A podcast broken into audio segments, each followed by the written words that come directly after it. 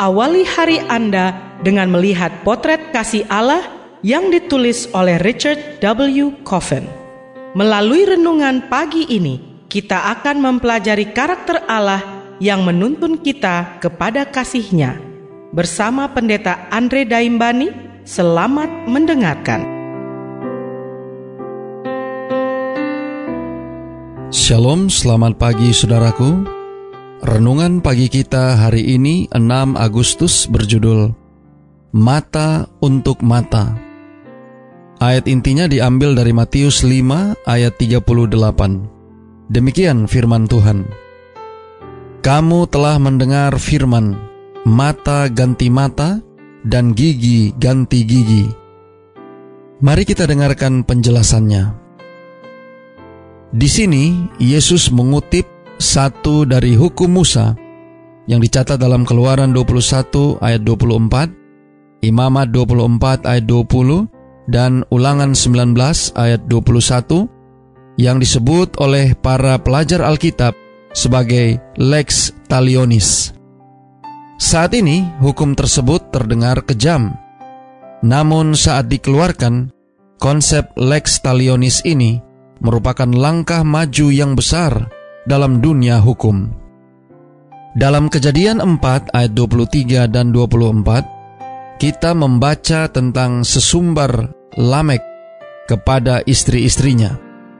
Aku telah membunuh seorang laki-laki karena ia melukai aku, membunuh seorang muda karena ia memukul aku sampai bengkak. Sebab jika kain harus dibalaskan tujuh kali lipat, maka Lamek 77 kali lipat. Jelas bahwa Lamek mengalami luka akibat serangan seorang muda, bukan orang dewasa. Dan jelas bahwa yang dialami Lamek bukanlah luka yang mematikan. Kalau tidak, mana bisa dia berkuar-kuar? Namun demikian, ia membalas dengan membunuh bocah lelaki itu. Kemudian Lamek meyakinkan istri-istrinya dengan nada sombong bahwa ia siap membalas berkali-kali lipat. Ia akan menghukum penyerangnya 77 kali lipat. Apakah menurut Anda istri-istrinya terkesan? Para pria timur dekat kuno merasa terikat kewajiban untuk membalas setiap serangan yang dapat mengurangi kehormatan mereka. Mereka benar-benar tidak dapat menahan malu atau kehilangan muka. Cara pikir ini menimbulkan pada utang darah. Masalahnya dengan utang darah ini, mereka tidak menyamakan kedudukan, tapi sering kali membalas dengan lebih kejam, sehingga melanggengkan lingkaran setan balas dendam.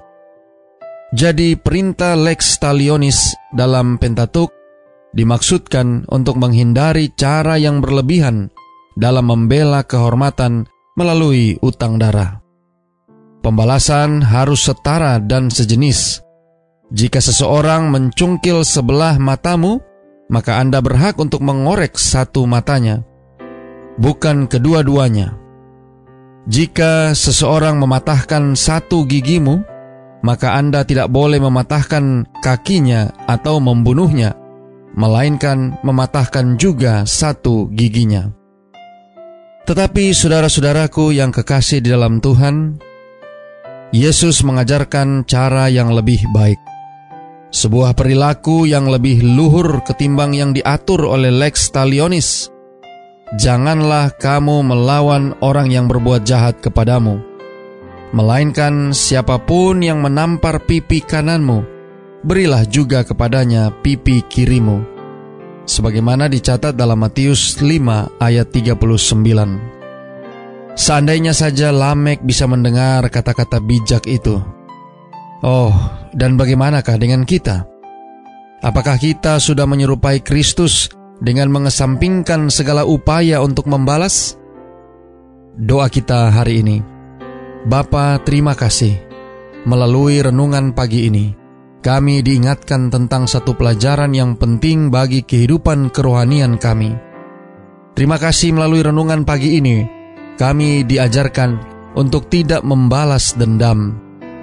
Tolong kami hari ini Bapa, biarlah dengan pertolongan kuasa roh kudusmu, kami boleh disanggupkan untuk menunjukkan kasih kami dan tidak membalaskan kejahatan dengan kejahatan. Terima kasih Bapa.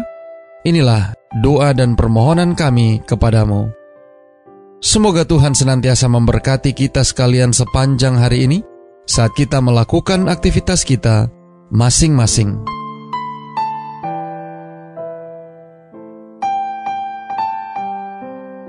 Demikianlah tadi pembahasan tentang potret kasih Allah. Semoga firman Tuhan hari ini dapat menjadi berkat bagi Anda. Sampai jumpa, Tuhan memberkati.